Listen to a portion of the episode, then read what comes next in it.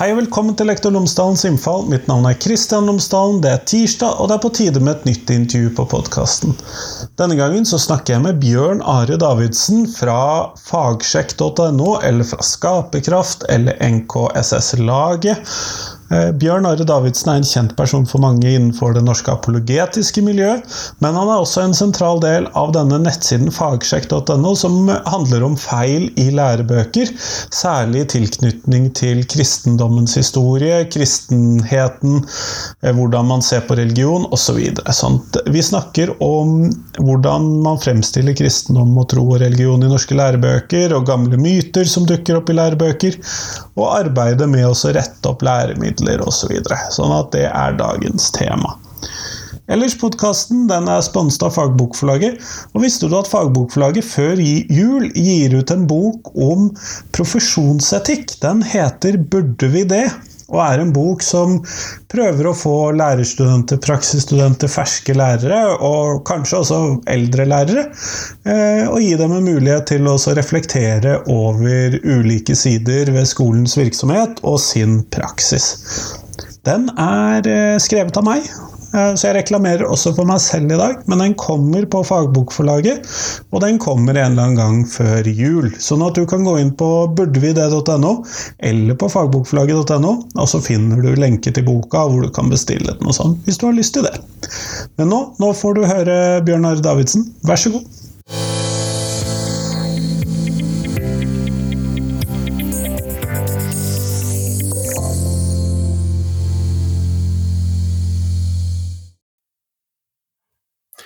Bjørn Are Davidsen, tusen takk for at du har tatt deg tid til meg i dag.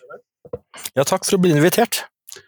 Før vi kommer sånn ordentlig i gang med samtalen, så jeg håpet at du kunne fortelle lytterne mine tre ting om deg selv, sånn at de kan få bli litt bedre kjent med deg. Ja, jeg er eh, sivilingeniør uh, med tilleggsstudier i alt fra sosialantropologi til pedagogikk så skrev jeg hovedoppgave, eller diplomoppgave som det het, på NTH i Trondheim for over 40 år siden om datamaskinstøttet undervisning.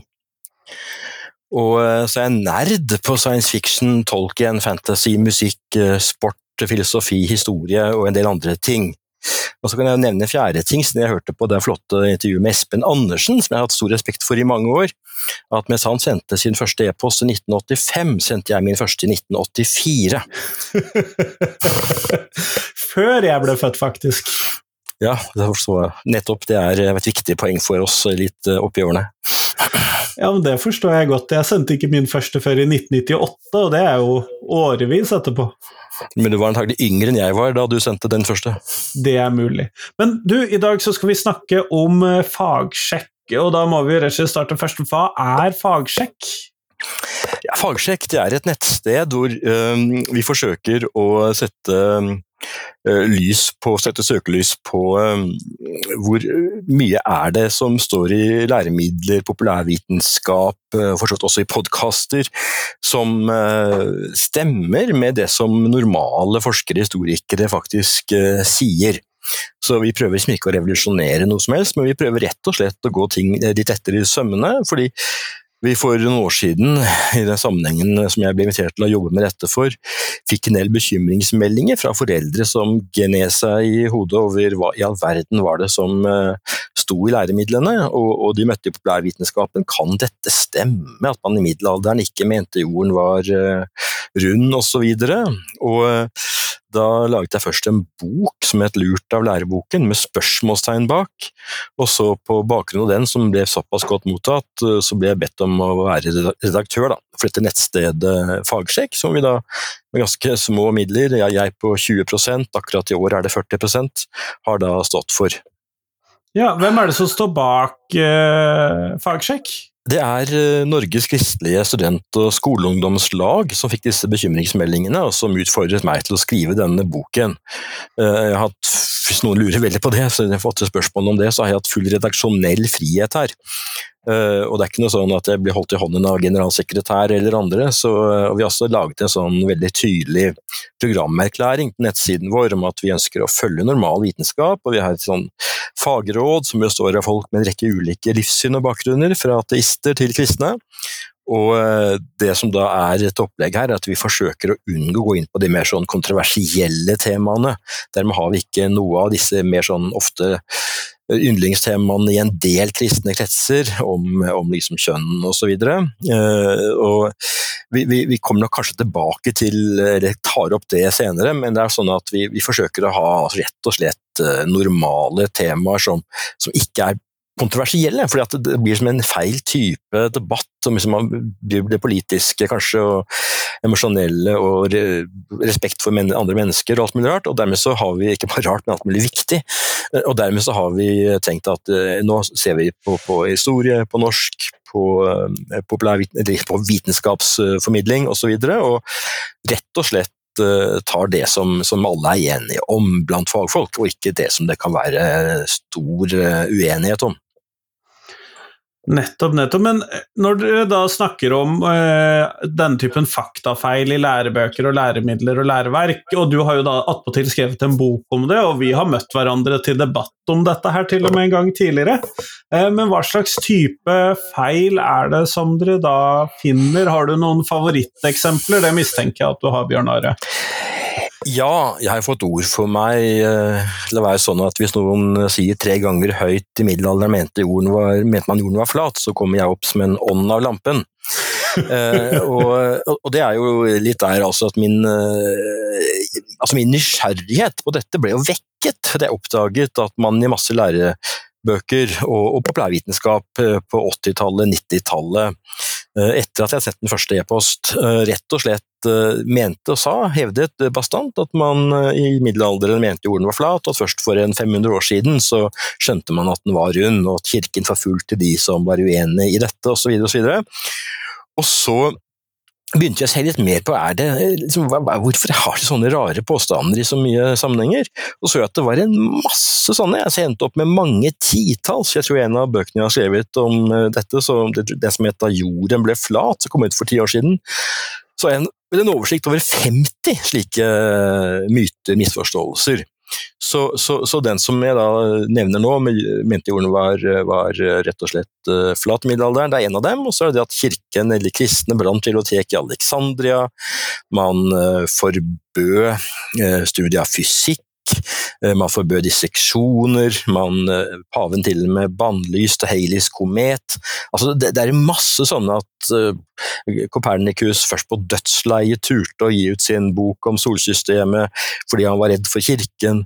Altså, det, det er en, som sagt, mange titalls sånne, og jeg finner stadig flere. Nå fant jeg senest en i Maihaugens sommerpromoer for en drøy uke siden om at gapestokken ble innført med fra kristningen av i Norge, og da eh, med utgangspunkt i å, eh, som en skamstraff for uh, unge gravide og, og, kvinner uten uh, altså barn uten å være gift. Og, og det, det er, alt sånt er påviselig feil, og, og, det forundrer meg at ikke læremidler og andre populærformidlere tar seg bryet med å se etter. Men, og da er jo spørsmålet, når ble denne her gapestokken innført? Ja, du finner den i, i middelalderen for så vidt, men da opprinnelig som en sånn disiplinærstraff eh, i uh, kongens hird, altså livvakt og kongens krigsfølge.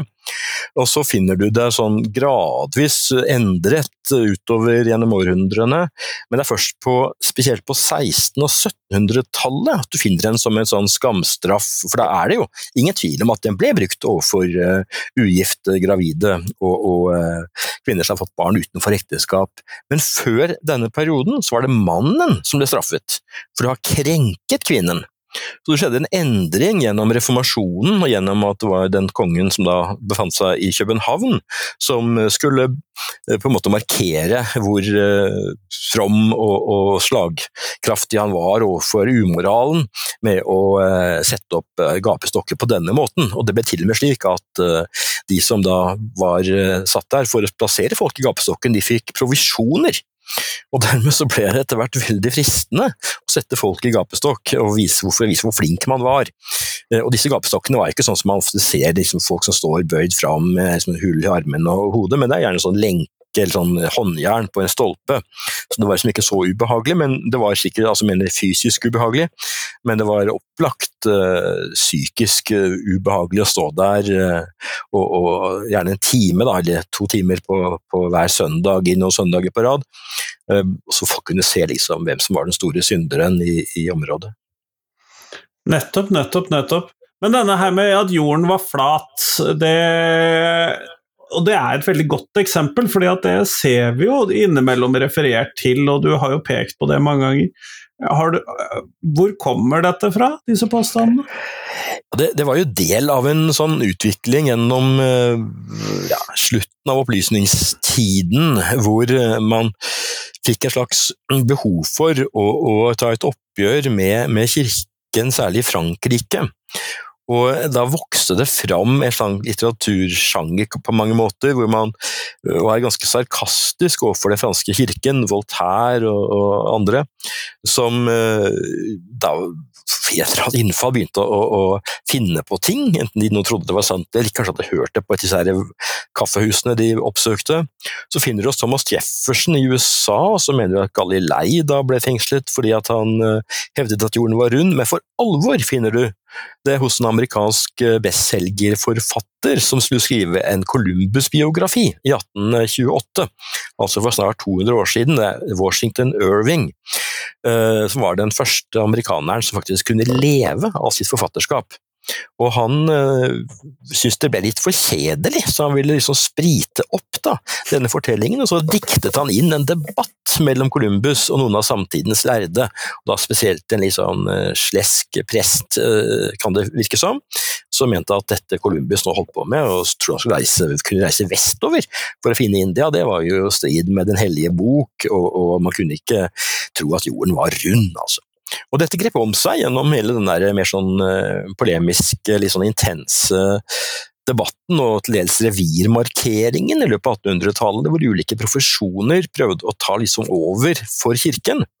Uh, og da hadde du en rekke på universiteter og andre sammenhenger som, som begynte å adoptere dette og tro på det, uten egentlig å undersøke noen kilder fra middelalderen. Nettopp. Disse tingene, Min tanke om dette er jo at disse tingene henger igjen fordi at eh, lærebokforfatterne eller de som skal lage en eller annen populærvitenskapelig artikkel eller et eller annet, husker da disse opplysningene fra den læreboka de selv hadde en eller annen gang på skolen, og så får de da Husker de dette, eller det blir fortalt, og så blir det gjenfortalt, så blir det gjenfortalt, og så er det noen som putter det inn i en avisartikkel, og så når man da skal lage en ny lærebok, så eh, tar man den gamle teksten og så finner man ut hva man kan bruke, og dette gidder jo ingen å sjekke. Nei, så Det man vet er sant, det sjekker man jo ikke. Og har man vokst opp med dette, det er et veldig pedagogisk godt grep å liksom male for eh, elevene at sjøfolkene til Columbus var livredde for å seile utfor kanten av jorden. Og dermed så blir det sånn at du har rett og slett en, en Eh, et bilde som fester seg i bakhodet, og som de, som du sier, da blir liggende der fra det de hadde på barneskolen eller ungdomsskolen for 20-30-40 år siden, og som så lærebokforfattere bare skriver av. Altså. Men det er heldigvis stort sett borte. Altså. Er, jeg har funnet uh, i disse nye lærebøkene som har kommet nå de siste årene, bare i to av bøkene på barneskolen. Så dette eksempelet da er, heldigvis uh, fjernet for det aller, aller meste. Så ting blir bedre, altså? Ja da, det virker som kritikk faktisk virker.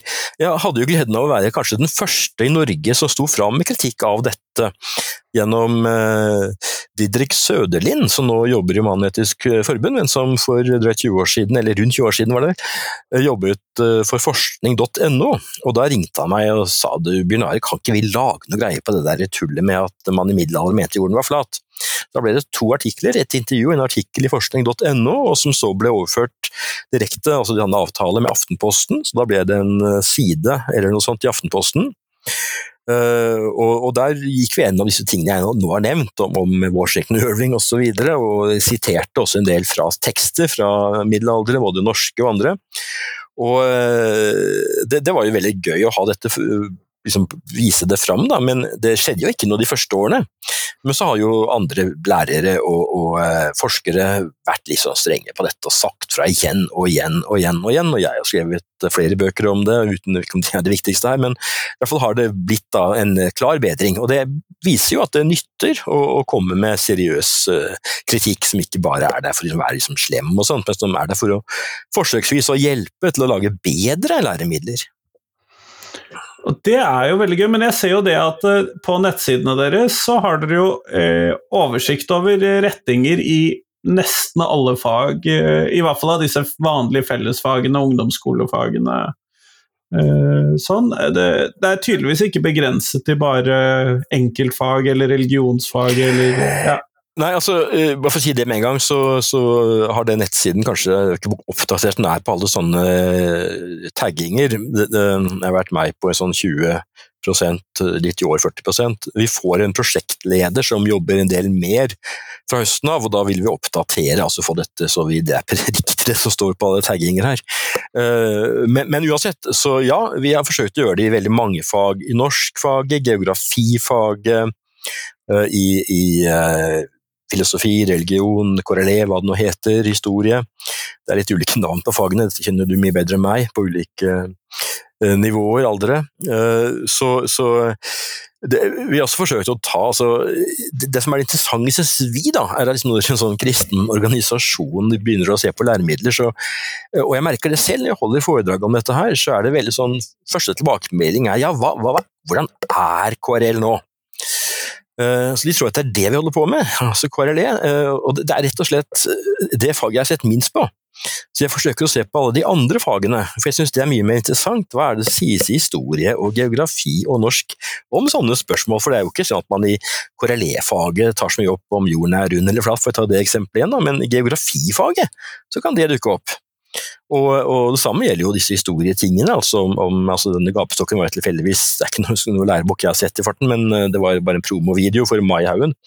Men, men, det er liksom mange områder da, eh, hvor du ser dette, de type feilene som jeg er interessert i, som viser at du, du, må ta bredden av fag, og ikke bare fokusere sånn som kanskje kristne har litt lett for, eh, å se på KRLE og finne en eller annen eh, problem der, altså med prosentandel, eller om kristendommen er som rettferdig behandlet, eller noe sånt. Men det interesserer ikke meg så mye, altså. Nei, og, og, det er jo kanskje litt overraskende ut ifra utgangspunktet, i hvert fall for oss som står utenifra og ser på prosjektet utenifra, så kunne vi jo kanskje regnet med at det var motsatt? Ja, det, det er sånn veldig typisk uh, uh, Skal vi kalle det for refleksjon eller, eller, eller antagelse. Og, og, og, jeg, ja, jeg, jeg, er opptatt av så mange forskjellige ting at jeg Uh, og jeg, jeg, ble jo kristen i voksen alder, så dermed så har jeg liksom kanskje ikke blitt miljøskadd av, uh, alle disse her standard kampsakene. altså Miljøskadd mener jeg altså at jeg må, det er de jeg må kjempe. Men, men, men, det som er greia her, er jo også at skal man være på en eller annen måte til nytte i skolen, så må man gå inn på ting som kanskje ikke så mange andre ser på. Og mitt inntrykk er jo at uh, dette med korrelé-faget, det blir jo liksom uh, sett under radaren til både Human-Etisk Forbund og uh, masse kristne organisasjoner generelt. altså hva de nå heter. altså Du har NLA, du har ulike fagmiljøer og, og institusjoner som, som, går gjennom dette. Mens hvem av disse ser på geografi eller historie? Og, eh, så derfor tenkte jeg Og det er det jeg syns er mye mer morsomt, da, for jeg, som jeg sa i starten, er litt sånn nerd da, på disse områdene. Og eh, da, da har vi nerder en tendens til å finne hvis det er noe feil i fremstillingen av knapper i 1812, som skulle egentlig vært i 1814. Så klart at da reagerer vi veldig hardt og skarpt, altså. Men, men, de feilene som jeg har funnet, eller vi har funnet, ikke bare meg, da, funnet her nå, de er mye mer alvorlige da, enn sånne bagateller som kanskje disse altfor spisse nerdene kan, kan ha, ha, interesse av. Men øh, dere har jo da gjort en del sånne anmeldelser av lærebøker og læremidler, og dere presenterer de og skriver. Dere har jo også bl.a. kritisert øh, en kreasjonistisk lærebok for skolen og sånn, men øh, når dere da skriver at f.eks læreboken relevans er ikke anbefalt fra deres side, eller kan ikke anbefales, er det vel dere faktisk skriver. Eh, hva er det som skal til for å oppnå den typen uh, slakt, eller hva er det som liksom ja, det, det, går jo rett og slett på um, hvor mye er det som er, er, er feil her? Og hvis det er feil på Ikke bare antallet, altså mengden i volum, men også rett og slett hva er det som, som gjør at noen bøker, etter vårt syn, da, faller gjennom. Så liksom er jo ikke, vi liksom er ikke noen stor dommer som, som, alle andre skal forholde seg til. Men, men, eh, det vi ser på er jo rett og slett hva sier den om ulike forhold som f.eks. opplysningstiden, eh, hvis den sier at man det var først da man, man, begynte med å tro på naturlover, at, at, eh, som denne relevansboken gjorde, var å fremstille hele den franske kirken som en eneste stor grisk økonomisk besvindel omtrent, som bare stakk til seg alle penger, og heldigvis ble man da reddet, altså reddet av den franske revolusjon uh, som, som, som, og religionskritikken der, uten å få, få, skjønne hva som faktisk den franske kirken, og ta dette som ett eksempel, det var flere, gjorde, og jeg vil ikke akkurat forsvare den franske kirken på 1700-tallet sånn voldsomt, men noe den gjorde, det var jo å stå for eh, fattigomsorg. Eh, så den hadde jo denne tienden på 10 og, og i Norge så var det jo 30% av den igjen som da gikk til de fattige. Kanskje ikke fullt så mye i Frankrike, men en stor andel av tiden gikk altså til fattige. Og det var mange mange tusen som ble støttet opp av, av klostre og, og nonne- og munkeordener. Og når man da begynte med revolusjonen, så stanset man tienden og konfiskerte alle eiendommene til klosteret. Og hva skjer da? Jo, det som kalles for et velferdsvakuum. De fattige fikk ikke den støtten de hadde fått, og det tok ganske mange år. Først med Napoleon igjen begynte man å forsøke å rette opp dette med å gjeninnføre en del av ordningene, men det tok veldig mange år før dette kom på plass igjen. Uh, og, og, I tillegg så var det jo sånn at når kirken ble stoppet av, av, uh, i Frankrike, så var ikke det så mye fordi at man hadde sånn intellektuell kritikk, men man gikk rett og slett løs på prestene, drepte dem. Uh, og Når det står i denne boken at man knuste den franske kirken, så var det liksom underforstått intellektuelt. I realiteten knuste man dem fysisk, med klubber flere hundre prester ble, ble, drept. Dette kan man bare lese mye, altså det er jo nøye beskrevet i historieverk og på uh, ulike typer, typer uh, hva heter det for noe, Nett, nettleksikon, lærebøker og andre med på hoved på, på, på universitetsnivå. Men dette er jo noe som underslås, og man lager en mer ensidig fremstilling som ikke er til man skaper ikke en forståelse av hva som skjedde. Og dette med naturlover kan, eller naturprosesser som er regelmessige, finner man jo langt tilbake i historien. Jeg hadde jo gleden av her om dagen å lese den læreboken, ikke læreboken, men den historieboken om Norges historie, Historie Norvegica fra 1100-tallet eh, er det vel, hvor man nøye beskriver jordskjelv og gir naturlige forklaringer på jordskjelv. Og, og, og, sånne ting som også gjør at du ender opp med et bilde av en slags totalt mørk, uvitende tid før opplysningstiden, hvor man overhodet ikke skjønte noe av naturlover eller uh, fattige eller uh, opplysning. Det er det som gjør at uh, vi da syns at en del læremidler ikke holder godt nok mål, og ikke anbefaler dem. Og det er jo krevende å skulle skrive lærebok, eh, det har jeg prøvd meg på en gang og feilet fullstendig. Eh, det var ikke en ting jeg fikk til. Eh, og det gjør det jo ikke lettere når en del sånne gamle ting ligger inne. Nei, altså jeg misunner ikke disse som skriver læremidler, men, men det er jo to-tre ting som sant, er det spennende ved det, å lage det. Det ene er hvilket pedagogisk opplegg, pedagogisk grep, hvor mye støtte har man av videoer og dataspill og hva det måtte være på nettet. Eh, og det andre er hva slags konsulent kunnskaper er det man har med seg når man skal ta de mer sånn konkrete saksopplysningene, altså det, hva som faktisk skal ha skjedd og alt det der.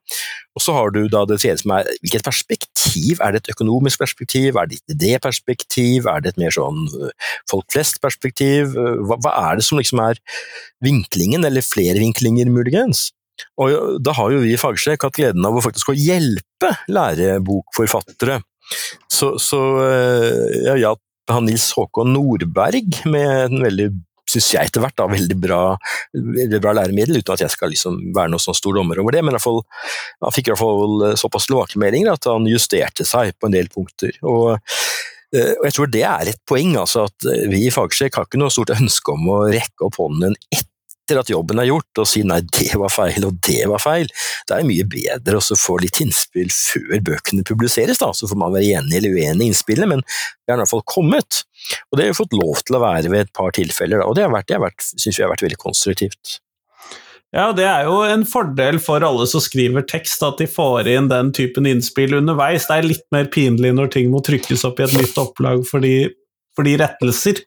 Ja, vi har jo opplevd det at vi har gitt tilbakemelding, altså kritikk etter at boken er trykket, og ops i forlaget og forfatteren kanskje da, at dette inndrar opplaget og, og sier at dette kreves, krever en helt ny, ny bok. Eh, ikke helt ny bok kanskje, men en ny, ny, ny uh, faktagjennomgang. Uh, og, og, og, det er jo nettopp uheldig for, for forlag og sånt, å oppleve det. Så, så, uh, og, dessverre sitter en del sånne forhold veldig sånn uh, fast i bakhodet, og da blir det lett at man gjør feil, for man, man kommer ikke på at det kan være feil. Man sjekker jo liksom ikke det som man tror stemmer. Og, og, det er jo en utfordring, altså, rett og slett å, å la folk få litt ulike bakgrunner. Ikke sånn sensitivitetslesning nødvendigvis, men at du har folk som har litt ulike fagbakgrunner, til å se om du har gått i noen feller. Nettopp det. Men kan det ikke bli for komplisert, da, hvis man da i f.eks. For denne fortellingen om den franske kirken eh, skal samtidig prøve å tegne et bilde av den franske kirken som en del av det maktapparatet som da var der, men samtidig da skal ha med da dette fattigdomsarbeidet? Kan det ikke bli for komplisert til å putte inn i en relativt begrenset eh, sammenheng? Så det, det går jo an å ha to tanker i hodet på en gang, som av og til hører uh, noen si. Uh, jeg vet ikke hvor ofte de klarer å ha to tanker i hodet, men det er jo sånn at ja, men det går an å ha liksom et perspektiv som viser at kirkens ledelse i veldig stor grad var en del av maktapparatet og misbrukte et godt stykke på vei sin, eh, sin makt. Så har du da en masse grasrotprester som står for veldig mye omsorgsarbeid, masse kloster osv., og, så og viser at det som endrer seg, er jo ikke akkurat grasrotarbeidet, men plutselig så Kanskje ikke plutselig, da, men, men det eh, altfor lenge så er det et uh, allianseforhold mellom uh, kirkens ledelse og, og, ledelsen, kongemakten og sånt, i Frankrike spesielt. Og, og dermed får du en, en, en Ikke en utforming, men en, skaper en mer forståelse av hvorfor i all verden forsvant ikke den svenske kirken på 1800-tallet. Den var jo visse levekraftig. Ikke fordi folk liksom var dumme og sånt, men fordi at, at den, den, dekket behov, og ikke bare behov for det åndelige og sånt, men dekket behovet for omsorg og det praktiske i, i eh, hverdagen. Og, og, det betyr at, at uh, hvis læremidler bare ser på lederne, så blir det veldig fort såpass skjevt at du mister forståelsen av den historiske utviklingen. Og dette er jo en ganske klassisk, eh, eller mye oppe debatt egentlig, for dette er jo mye av det samme som også går på når det kommer til kvinners plass i historien, eller fattiges plass i historien, eller eh, fargede personers plass i historien, eller ja, eh, homofiles plass i historien. Alle disse menneskene som man vanligvis har gitt fullstendig blaffen i i historieskrivingen. Ja, det er det samme. ikke sant? Du har masse sånne uh, grupper, uh, ulike bakgrunner, som gjør at det ikke er omtalt. Har i hvert fall ikke vært tradisjoner for det. Og, og, her har du faktisk en veldig stor gruppe som ikke i det jeg kan se, har fått kastet ut lys over seg, eh, i motsetning da, til fargede og homofile og kvinner og arbeidere, eh, nemlig ja, prester, munker, nonner altså, du, du, du, har hele dette interessante opplegget som Jeg, jeg skrev en artikkel om dette her sånn, i et uh, fagtidsskrift om innovasjon. Jeg har jo bakgrunn som sivilingeniør og var gjesteredaktør for Telenors fagblad om Innovation in Practice for en rundt 20 år siden. og Da skrev jeg en artikkel om uh, Beyond the Protestant Work Ethic, altså bak eller lenger bak den protestantiske arbeidsetikken. Vi gikk gjennom og så på hvordan klosterbevegelser i middelalderen nettopp var de som drev fram innovasjonen og kunnskapsutviklingen. Eh, og den teknologiske innovasjonen.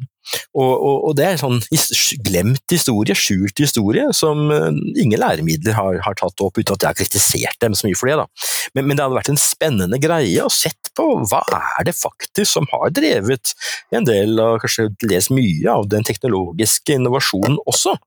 Vi ser det i Norge, altså en av mine favoritter er sogneprest Abraham Pil på Hedmarken eh, for 200 år siden, som var altså Norges svar på en blanding av Petter Smart og en ekte Reodor Felgen som da holdt på med alt fra å være kongelig astronom til, altså for den danske kongen i Danmark-Norge, til eh, å lage musikkinstrumenter, lage klokker han, ja, arkitekt Han var alt mulig rart! Og som en eh, biskop sa som hadde besøkt han, eh, og ramset opp det ene etter det andre til tredje til femte til sjuende. Han hadde tid til alt, unntatt å være teolog. ja, eh, jeg vet ikke, men eh, jeg har i hvert fall erfart at hobbyer tidvis kan ta litt mye tid. Det er mulig at du kjenner til det også, Bjørn Are? Jeg har lest om sånt. men det høres bra ut. Men du, eh, vi går mot slutten her i dag, og da lurer jeg selvfølgelig på det faste spørsmålet mitt for tiden. Og det er hvilken lærer har gjort størst inntrykk på deg, og hvorfor det? Veldig godt spørsmål, faktisk. Jeg har tenkt en del på det, og det slo meg jo at jeg har vært ganske mange lærere, altså. Så, så jeg har hatt, uh, hatt uh, en, uh, altså en matematikklærer, en fysikklærer og en norsklærer på videregående som gjorde utrolig inntrykk på meg. Men kanskje, når jeg tenker meg litt om, så var det min historielærer på ungdomsskolen. Jeg gikk på Nordseter ungdomsskole, altså på, på Nordstrand, beste borgerlighetens høyborg. Og da var skolestyreren, som det het, eh, han var SV-er, og det var en slags veldig kontroversielt da, i nærmiljøet. Men han var veldig historieinteressert, og så så han at oi, en av elevene i klassen var det også. Så han drev og lånte meg en masse bøker, sånn 'Slavenes kyst' av Torkel Hansen og 'Verdensnyheter' i avisformat og hva det nå var. Da. Og jeg tok jo en av disse med meg hjem, så han ringte meg på kvelden for å få den tilbake. Da. Så det var, eh, men, men Didrik Ferkingstad på Nordseter ungdomsskole for 50 år siden, han eh, gjorde utvilsomt et eh, uutslettelig inntrykk. Kjempeflott. Tusen takk for at du tok deg tid til meg i dag. Ja, takk for å bli invitert.